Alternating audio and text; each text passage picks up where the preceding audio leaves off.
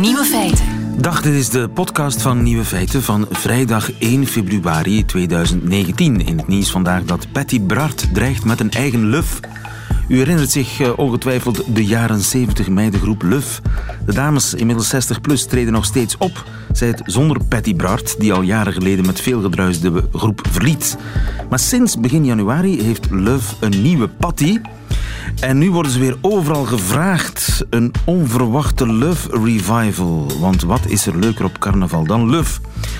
Patty wil graag meesurfen op die golf en met een eigen Love beginnen. Ze heeft al twee dames gevonden die mee willen doen. Mayday en Miss Patty Pam Pam, twee drag queens. Maar omdat de naam Love gepatenteerd is door de originele Love-dame Marga moet Patty op zoek naar een nieuwe naam. Ze denkt aan Suf of Muf. De andere nieuwe feiten. Tijdens de werkuren een korte boswandeling maken verhoogt de efficiëntie. Opgroeien in een meertalige omgeving maakt je slimmer. Japanse gevangenissen zitten vol bejaarden en Nederland heeft geen klimaatbrossers. De nieuwe feiten van strafpleiter Walter van Steenbrugge hoort u in zijn middagjournaal. Veel plezier. Radio 1. Nieuwe feiten. Brossen voor de bossen. Dat ken ik, kent u ook waarschijnlijk, maar in Hasselt doen ze aan brossen in de bossen. Tijdens de werkuren op kosten van de baas een boswandeling maken. Sylvie Daniels, goedemiddag. Goedemiddag. Sylvie, jij bent van het Centrum voor Milieukunde van de Universiteit van Hasselt. En jij stuurt mensen het bos in. Ja, dat klopt. Uh, we hebben een pilootproject gedaan waarbij dat we met werknemers van de provincie uh, zes verschillende activiteiten in de natuur gedaan hebben. Uh, dus zij mochten uh, zowel deelnemen aan wandelingen, aan fietstochten, maar ook aan workshops. Dus bijvoorbeeld, ze hebben een workshop vogelvoederhuisjes gemaakt. Ehm, zij hebben een workshop land art gedaan, waarbij dat ze dus met materiaal uit de natuur kunstwerkjes moesten maken die dan ook in de natuur achterbleven. En dat zijn ambtenaren van de provincie Limburg? Ja, dat klopt. En ze hebben dat tijdens de werkuren gedaan? Ja, dat klopt. Uh, hebben zij niks beters te doen? Wel, um, het onderzoek is zo ook opgezet. Dus wij hebben ook gekeken naar het cognitief vermogen. Dus wij wilden inderdaad vaststellen dat de werknemers um, ook efficiënter zijn nadien. Dus dat die tijd die zij besteden in de natuur, dus dat dat zeker geen verloren tijd is. Aha. Dus daar hebben we bijvoorbeeld gekeken naar hoe snel dat werknemers informatie kunnen verwerken en hoe snel dat hun reactietijd is. En we zien dus uit de resultaten blijkt dat de deelnemers die hebben deelgenomen, dat zij gemiddeld 10% sneller informatie kunnen verwerken. Dus dat geeft ons nog enige moed om te zeggen dat die tijd zeker niet verloren is, maar dat ze ook efficiënter zijn nadien. Dus je wint tijd door tijd te verliezen eigenlijk? Ja, inderdaad. En dat moet in de natuur zijn? Wel, het is gebleken dat natuur het meest effectieve is om stress te reduceren. Dus als je bijvoorbeeld op café gaat met vrienden of als je naar de sportclub gaat, uiteraard werkt dat ook stressverlagend. Maar het is gebleken al herhaaldelijk dat natuur eigenlijk het meest efficiënte is om je stress te reduceren. Ah, ja. Dus op de nieuwsvloer, de, bij de mensen van de nieuwsdienst, staat er een, een grote biljarttafel. Zie je wel eens mensen aan biljarten. Dat lijkt dan, hebben die niks beters te doen. Maar eigenlijk zijn die achteraf veel efficiënter. En eh, op het einde van de rit heb je beter gewerkt dan je collega's die niet gesport hebben. Zij het in dit geval dat het biljarten is. Maar eigenlijk zou het beter zijn, we hebben ook een... Ja, daar komt een nieuw gebouw te staan, maar nu hebben we nog een parkje. En eigenlijk zouden we beter in dat parkje gaan wandelen. Inderdaad, dat klopt. En hoe lang moet zo'n wandeling duren?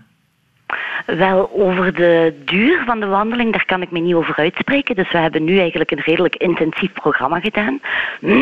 Dus dat wil zeggen dat die deelnemers, die hebben twee keer per week, twee uur, gedurende drie weken, zijn zij een activiteit buiten gaan doen. Ja, Ehm, dat is toch niet niks, hè? inderdaad, dus dat vraagt inderdaad een inspanning van de werkgevers ook. En dus vandaar ook het onderzoek dat we wilden aantonen, dus dat het zowel eh, de werknemers nadien efficiënter konden werken en dus dat zij ook hun stressniveau konden verlagen. En helpt het ook tegen burn-out? Wel, uh, uit onze cijfers is gebleken dat uh, de gemiddelde burn-out score van de deelnemers dat die gedaald is met 15 Dus dat wil niet zeggen dat we 15% van het aantal burn-out gevallen kunnen vermijden. Dat wil wel zeggen dat die individuele score van de deelnemers, dat we daar verwachten een daling te zien van gemiddeld 15% na deelname aan die activiteiten in de hmm. natuur. Nou, het gaat wel om ongeveer vier uur per week. Dat is een halve werkdag, hè? Ja, dat klopt. Dus in dit geval ging het enkel om een pilootproject. Dus we zijn zeker nog van plan om ook met andere types van programma's te werken. Ja. Dus waarbij dat bijvoorbeeld deelnemers maar een uurtje per week gaan. Of heeft het dan hetzelfde effect, ja of nee? Dat weten we op dit moment nog niet. En is het beter om nestkastjes te knutselen of om te wandelen? Wel, daar kunnen we op dit moment geen uitspraken over doen. Um, dus op dit moment weten we enkel dat de combinatie aan activiteiten dit positieve resultaat tot gevolg gehad heeft. Um, wat dat nu de meest, de meest leuke workshop was of de meest efficiënte workshop, daar kan ik me niet over uitspreken. Uh, maar dus de combinatie van activiteiten heeft zeker gewerkt. Ja, ja, de combinatie is op dit ogenblik het beste, maar jullie zijn nog niet uit onderzocht. Jullie gaan door met het onderzoek. Ja, dat klopt. Dus in een vervolgonderzoek willen we bijvoorbeeld ook nog gaan nagaan, want we weten op dit moment niet hoe lang dat deze effecten aanhouden. Um, dus het feit dat we zien dat het stressniveau van werknemers reduceert en dat ze efficiënter zijn, um, is dat twee weken tot na de activiteiten, of is dat een maand, of is dat een half jaar? Dat weten we op dit moment niet. Dan kunnen we de onderzoeksresultaten verfijnen. Ik, mij, ik wens jou daar heel veel succes bij. Dankjewel, Sylvie Daniels van de Universiteit van Hasselt. Goedemiddag. Ja, bedankt. Dankjewel. Dag. Nieuwe feiten. De ontdekking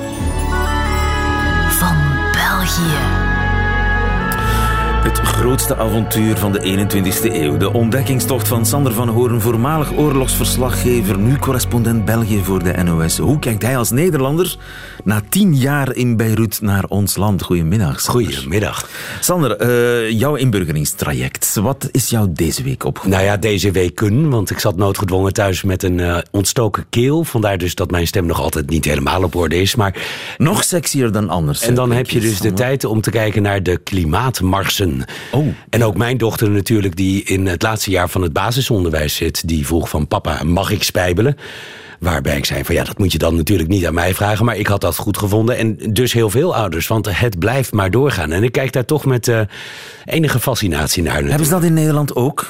Uh, ze hebben het gehad vorig jaar december of september, hele kleine schaal. En dat was naar aanleiding van dat meisje in uh, Zweden, wat de hele tijd in het parlement zit. Uh, maar dat is niet echt groot geworden. En nu zijn ze volgende week, donderdag, zijn ze van plan om met, uh, met heel veel mensen naar Den Haag te komen. En dan gaan we kijken. Wij, wij zijn eerst. Jullie zijn eerst. Gidsland, België. Ja, geweldig toch? Ja, ja, ja. Mag, mag ik hier zitten glimmen van trots? Uh, dat mag, maar ik zou het vooral nog maar even niet doen, want ik ben nog niet klaar. Oké. Want jullie zijn gidsland, denk ik, nu hier op dit dossier, omdat het hier ook wel erger is. Want ik heb me natuurlijk af zitten vragen hoe komt het dat uh, in Nederland dat soort marsen niet voor België zijn? En ik denk, natuurlijk heeft dat met uh, Anuna de Wever te maken. Zo'n zo'n icoon, nou ja, kijk naar Zweden. Je hebt dat nodig. Dat spreekt aan. Uh, kinderen identificeren zich daarmee. En daardoor is het makkelijker om te zeggen: zij is er ook weer. Ik ga ook, natuurlijk. Alleen, je hebt in Nederland een regering die grosso modo heeft gezegd... die klimaatakkoorden, uh, Parijs, uh, uh, maar ook recentelijk Polen... die gaan we uitvoeren. En hier heb je er vier. Vier. Ja, ja, ja, Sander, ik kan er ook niet aan doen. Die elke dag in de salariswagen, neem ik aan, een minister, een parlementariër, zich door de wedstraat ploeteren. Waar elke dag elke milieunorm overschreden wordt. Waar ik elke dag, ik ga niet beweren dat mijn keelontsteking daar vandaan komt, maar het heeft in elk geval niet bijgedragen. Waar de luchtverontreiniging zo groot is. En dan dus inderdaad dat afwijzen. Nou, dat vond ik toen al hallucinant. Ik weet niet of we het hierover gehad hebben. Maar kennelijk vinden dus week in week uit tienduizenden scholieren dat ook. En denk je dat het zal helpen? Ik weet het niet. Ik, ik, ik vond het heel interessant. Een uh, gesprek wat uh, Anuna de Wever en uh, twee van haar mede-organisatoren hadden in het Vlaams parlement met parlementsvoorzitter Jan Peumans. Die ehm, sympathiseert met de actie. Dat doet elke politicus die geen politieke suïcide wil plegen natuurlijk. Uh, dat doen ze in meer of mindere mate. Uh, daar kunnen we het zo misschien nog over hebben. Maar hij zei op een gegeven moment ook een aantal dingen. A, jullie moeten een plan opstellen wat er dan moet gebeuren. En B, jullie zijn de generatie die op de achterbank naar school wordt gebracht. Dat bedoelde hij niet eens negatief. Hij disqualificeerde ze daarmee niet. Alleen ik vind het symptomatisch eigenlijk voor één ding. Hè. Dus die twee dingen, die twee uitspraken van hem, zijn uh, symptomatisch voor het feit dat de bal dus nu bij die scholieren wordt gelegd. En dat lijkt me toch compleet het paard achter de wagen spannen. Vooral ook omdat een van de andere verschillen tussen Nederland en België, denk ik, is dat wij toch, eh, bedoel, wij, eten ook ongezond op school. En, en, en de ouders die zijn ook eh, eh, liever lui dan moe. Dus geven misschien ook niet altijd het goede voorbeeld. Maar kinderen gaan bij ons naar school op de fiets. Waarom? Omdat die school in de buurt is. Hier kan dat niet. Waarom niet? Omdat België eh, verkeerd is ingericht al die lintbebouwing. Ik noteer het. Uh... Ja, nee, absoluut. Maar dat betekent dus dat je tegen je uh, kinderen wel kunt zeggen... ga op de fiets naar school, geef het goede voorbeeld. Maar dan moeten ze over een moordstrookje. En dan weet jij niet of je aan het einde van de dag je kind nog wel ja. levend terugziet. Dus je brengt je kind met de auto naar school. Zie daar een sociaal dilemma. Het is een probleem wat op individueel niveau niet kan worden opgelost.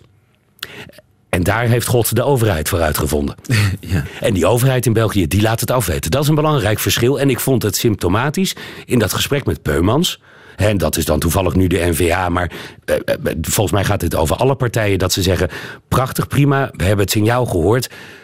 Vertel ons wat wij moeten doen. Nee, omgekeerd. Daar word je voor betaald. Daar ben je politicus voor. Luister, handel. We zitten in een verkiezingsjaar.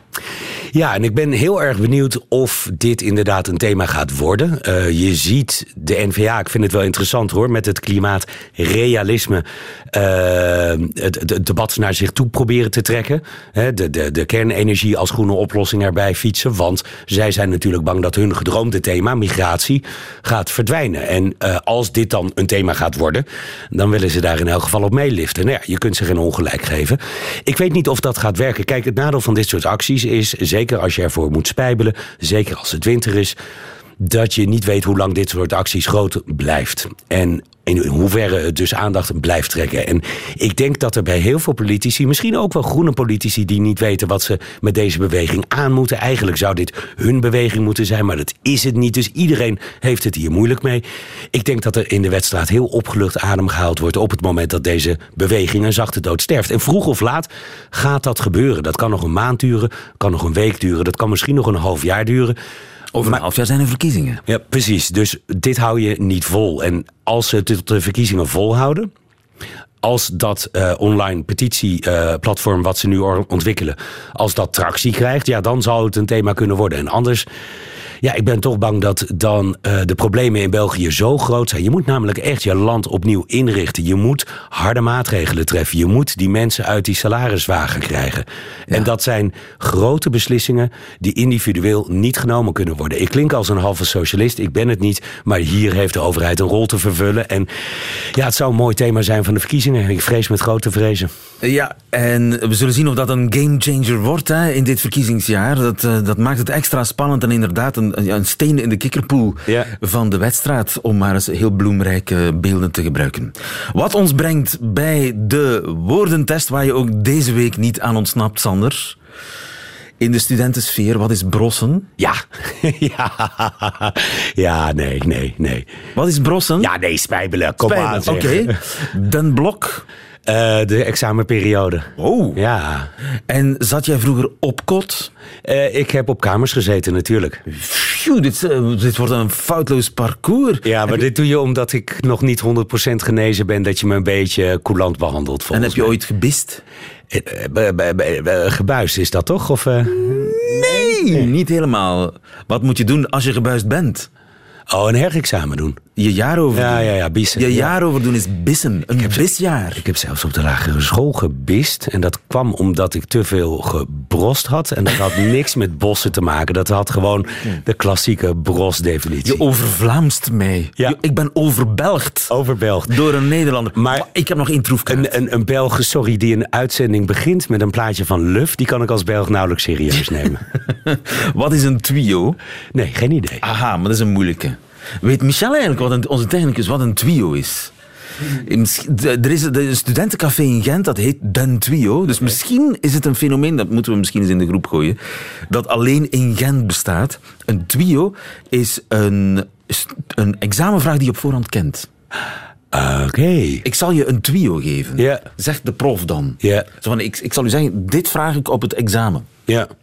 En waar komt dat vandaan? Geen idee. Nee. Geen idee. Ik Zo van, meteen in het Frans te zoeken, want eh, mooie Vlaamse woorden komen altijd uit het Frans. Tip, een tip of zo? Twio? Het zou kunnen. Maar in ieder geval, ik kon die vraag niet beantwoorden en het was nogthans een twio. Sava. Zo, ik, ik had het moeten... Sava, inderdaad. Nee, Sava niet. Ja, nee, dan dus wel, want je weet het graag.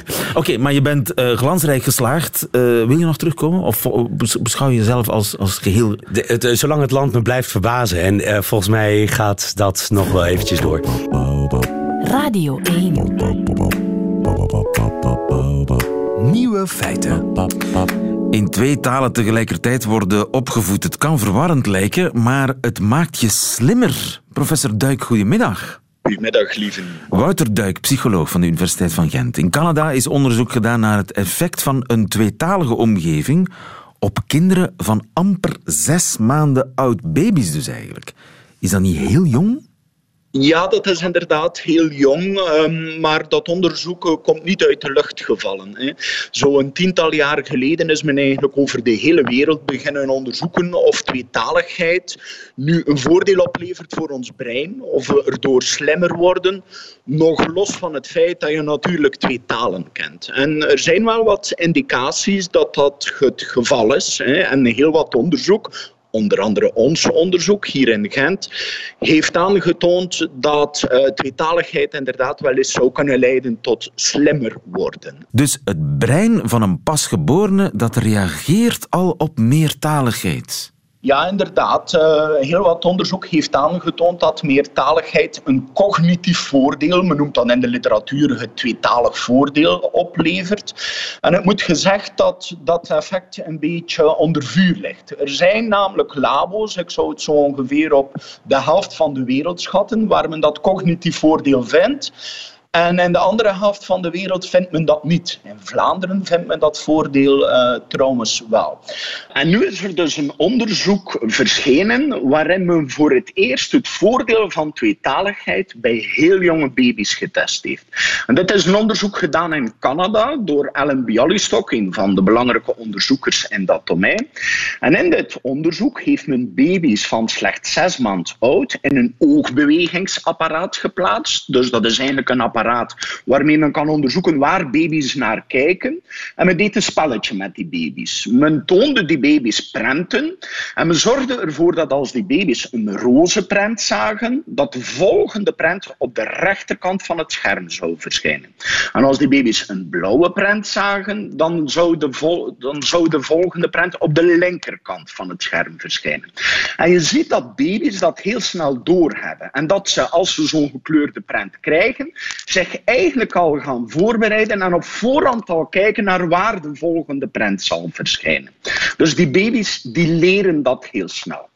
En de cruciale ingreep in dit experiment bestond erin dat men op een bepaald ogenblik die regel gaat veranderen. Dus men draaide eigenlijk de kleuren en de kanten van het scherm om. En dan is de vraag natuurlijk, hoe snel gaat die baby dat doorhebben dat de regels zijn veranderd? Inderdaad, inderdaad. En dan observeert men dat meertalige baby's, dus baby's die opgegroeid zijn in een meertalige omgeving, dat die die nieuwe regel veel sneller gaan oppikken dan eentalige baby's. En dat is eigenlijk wel verwonderlijk, omdat het hier gaat over baby's van slechts zes maanden oud. Dus die baby's die hebben zelf nog nooit of amper gesproken. Laat staan dat ze in tweetalig gesproken hebben. Ze hebben enkel twee talen in hun omgeving gehoord. En met die rijke stimulatie zorgt er dus voor dat je dus een soort mentale fitness, een soort cognitieve training doet, waardoor het brein in staat is om sneller nieuwe regels op te brengen. Ja, dus meertaligheid traint het brein al als baby. Ja, inderdaad, inderdaad. En nogmaals, dat is niet geheel nieuw. We hebben dat al gezien bij volwassenen, uh, maar ook bij ouderen bijvoorbeeld. Ons eigen onderzoek in Gent, samen met Evie Womans en Patrick Santes, bijvoorbeeld heeft aangetoond dat meertalige ouderen ongeveer vier jaar later de diagnose Alzheimer krijgen dan eentalige ouderen. En als we die mensen dan onder de scanner leggen, dan zien we dat de achteruitgang van de hersenen dus bij Alzheimer sterven hersencellen af. En we zien dan dat bij die meertaligen die achteruitgang van de hersenen even snel verloopt. Maar we zien tegelijk dat ze met minder hersencellen hè, langer de achteruitgang kunnen compenseren. Hè. Dus de mentale fitness die meertaligheid is, zorgt ervoor dat men met minder brein meer kan doen, eigenlijk. En men heeft dat dus al vastgesteld bij ouderen.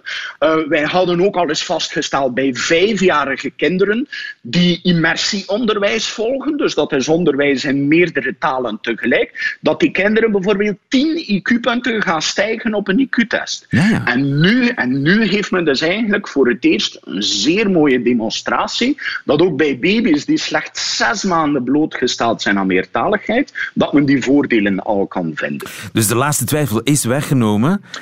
Wel, ik, ik, uh, ik zou zeggen, het is een zeer sterke evidentie. Uh, maar um, het blijkt toch wel ingewikkeld te zijn. Omdat, zoals ik daarnet aangaf, blijft het een feit dat men in sommige regio's die tweetalige voordelen vindt. Canada is typisch zo'n regio, Vlaanderen is ook zo'n regio, Catalonië en Barcelona, daar vindt men het ook. En in de Verenigde Staten bijvoorbeeld blijken die effecten veel minder sterk te zijn. En aan de UGent zijn wij nu bijvoorbeeld bezig met een zeer grote studie waarin we die testen zullen ontplooien over de hele wereld. Dus we zullen overal ter wereld dezelfde taken gaan uitvoeren. En dat zal ons toelaten om te gaan onderzoeken welke factoren nu cruciaal zijn voor dat tweetalig voordeel en wat geen enkele rol speelt. om, om dan de allerlaatste twijfel weg te nemen en alle mist rondom dit onderwerp te laten oplossen. Dankjewel en veel succes met je nieuwe onderzoek, professor Duik in eh, Gent. Goedemiddag. Graag Radio 1. Nieuwe feiten. Japan wordt overspoeld door criminele bejaarden. Dimitri van Overbeke, goedemiddag. Goedemiddag. Dimitri, je bent Japanoloog van de Universiteit van Leuven. De voorbije twintig jaar is het aantal 65-plussers in de Japanse gevangenissen systematisch toegenomen. En vandaag is één op vijf gedetineerden ouder dan 65. Ja, dat is uh, een enorm snelle verandering. Uh, in, uh, ja, in het begin van de jaren 90 werden maar 2% van de misdaden gepleegd door mensen ouder dan 65 jaar. En vandaag is dat al meer dan 20%. dus daar ziet men toch wel een heel sterke stijging. Maar wat brengt al die Japanse gepensioneerden op het slechte pad? Daar zijn verschillende verklaringen voor. Um, een eerste verklaring is dat het pensioensysteem in Japan niet goed georganiseerd is. Uh, waardoor die ouderen gewoon in armoede leven en geen andere keuze hebben dan winkeldiefstallen te plegen om voldoende voedsel te hebben om rond te komen. Maar dat is eigenlijk geen goede verklaring. Uh, de belangrijkste verklaring, denk ik, is het, is, is het breken van, van sociale banden. Dus eigenlijk de families die traditioneel in Japan altijd hecht waren, die altijd zorgden voor de ouderen, die leven nu apart. En uh, meestal zijn de jongeren uh, um, weggetrokken naar grote steden zoals Tokio en Osaka. En blijven de ouderen over in, uh, in dorpen waar dat ze nog heel, heel eenzaam moeten leven.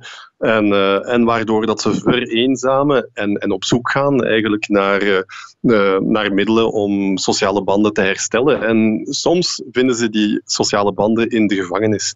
Dus dat zijn en, mensen die is... naar de gevangenis willen?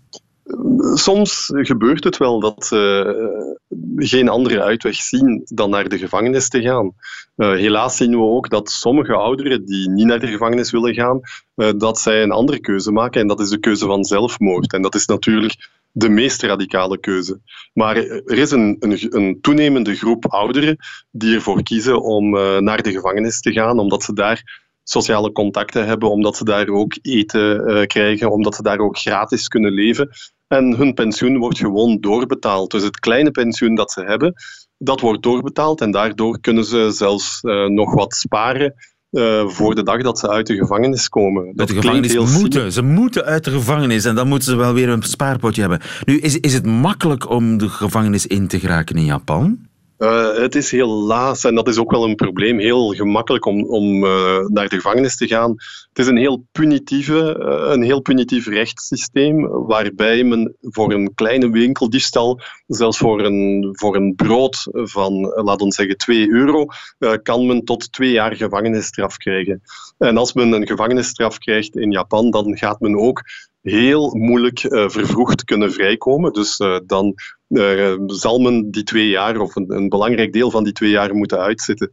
En dus um, er zijn mensen die speciaal een brood gaan stelen om, en zich laten betrappen om dan ja. naar die gevangenis te moeten, om daar dan twee jaar ja, gratis kost en inwoning te krijgen. En een sociaal leven, want dat lijkt ook niet onbelangrijk. Inderdaad, soms is het ook wel zo dat ze echt wel met de bedoeling om naar de gevangenis te gaan, uh, een diefstal plegen. En als ze dan uit de gevangenis komen, dat ze snel een nieuwe, een nieuwe misdaad plegen. En ze moeten gewoon een nieuwe diefstal, uh, winkeldiefstal plegen of gewoon met een mes in een, uh, in een park um, iemand bedreigen. Dat is al gebeurd en dat is een, een concreet geval. En dan worden ze onmiddellijk weer naar de gevangenis gestuurd. En men ziet eigenlijk dat meer dan 80% van de ouderen in de gevangenis, dat die daar al voor de vijfde keer of de zesde keer zitten. Maar is het leven in de Japanse gevangenis dan zo aantrekkelijk?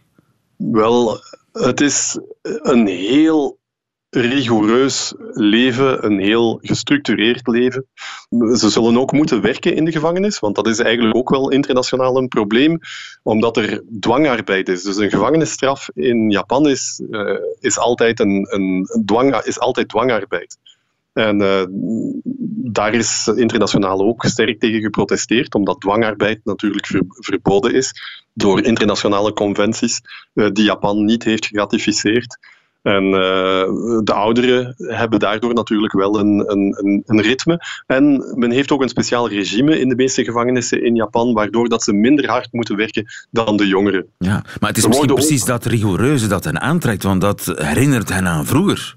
Ja, daardoor voelen ze zich ook nuttig. Ze voelen ook dat ze een, een, plaats hebben binnen een community, binnen een gemeenschap. En dat is dan de gemeenschap van de, van de gevangenis, waardoor dat ze uh, eigenlijk um, ja, het, uh, die eenzaamheid die ze, uh, die ze in, de, in de maatschappij voelden, in de gevangenis veel minder voelen. En voor hen is dat zeker een aantrekkelijk aspect van het, van het leven in de gevangenis. Ja, het is in zekere zin een terugkeer naar vroeger.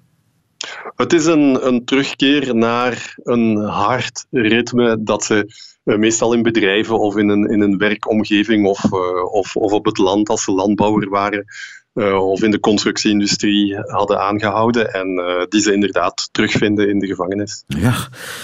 Japanse bejaarden willen massaal naar de gevangenis. Dimitri van Overbeke, dankjewel. Helemaal helder. Goedemiddag. Graag gedaan. Nieuwe feiten.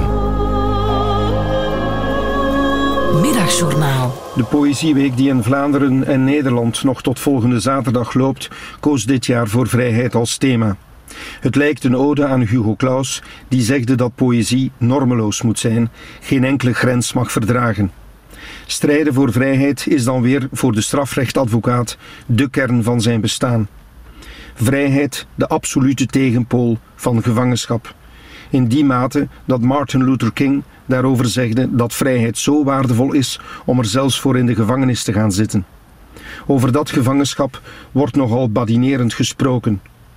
Vijf sterrenhotel op kosten van de burger, beter de gevangenen op water en brood zetten, zijn veel gehoorde one-liners op tram of bus. Gezegd is die plots in de kiem smoren als een opsluiting zich in de eigen leefwereld of dat van zijn intimie manifesteert. Als er geen verbinding meer met de medemens of met het leven kan worden gemaakt, is de zin van het leven verdwenen. Vermits gevangenisstraffen zowat altijd eindig zijn, creëer je geen betere mens bij diens vrijlating door hem die zin te ontnemen. Een straf moet altijd een perspectief bieden, een nieuwe toekomst. Die nieuwe toekomst bouw je niet op de grauwe grond van onze gevangenissen, vol wantrouwen, drugs en geweld. De pijn van slachtoffers herstel je evenmin met nog meer pijn voor daders. Zo eenvoudig is het niet en zo verminder je de kans op herval niet. Maar dat krijg je niet makkelijk uitgelegd aan een wemelende wereld vol angst. Poëzie kan daarbij helpen. Poëzie heelt de wonden die een veel eisende en soms blinde, ongelijke maatschappij geslagen heeft. Poëzie zegt meer en in minder woorden dan proza. Poëzie maakt mild, verzacht als het een zilveren glans legt op woorden in een regenboog vol passie. Enkele warme woorden wil ik vanavond nog richten tot mijn kantoorgenoten. Naar goede traditie is er het nieuwjaarsfeest dat gewoontegetrouw in Hartje Gent wordt gevierd. Bij Bert, even mooi als vriendelijk. Hij belooft ons een mooie avond, momenten van eenvoudige chic. Ik zal er mijn assistenten en collega's danken voor een jaar hard werken. Ik vraag ze om hongerig en gefocust te blijven, te dansen rond nieuwe ideeën. Dankbaarheid als geheugen van het hart, als vijand van onverschilligheid. Daarna mag de nacht zich loshaken. De nacht, ultieme bewaker van het vrije denken.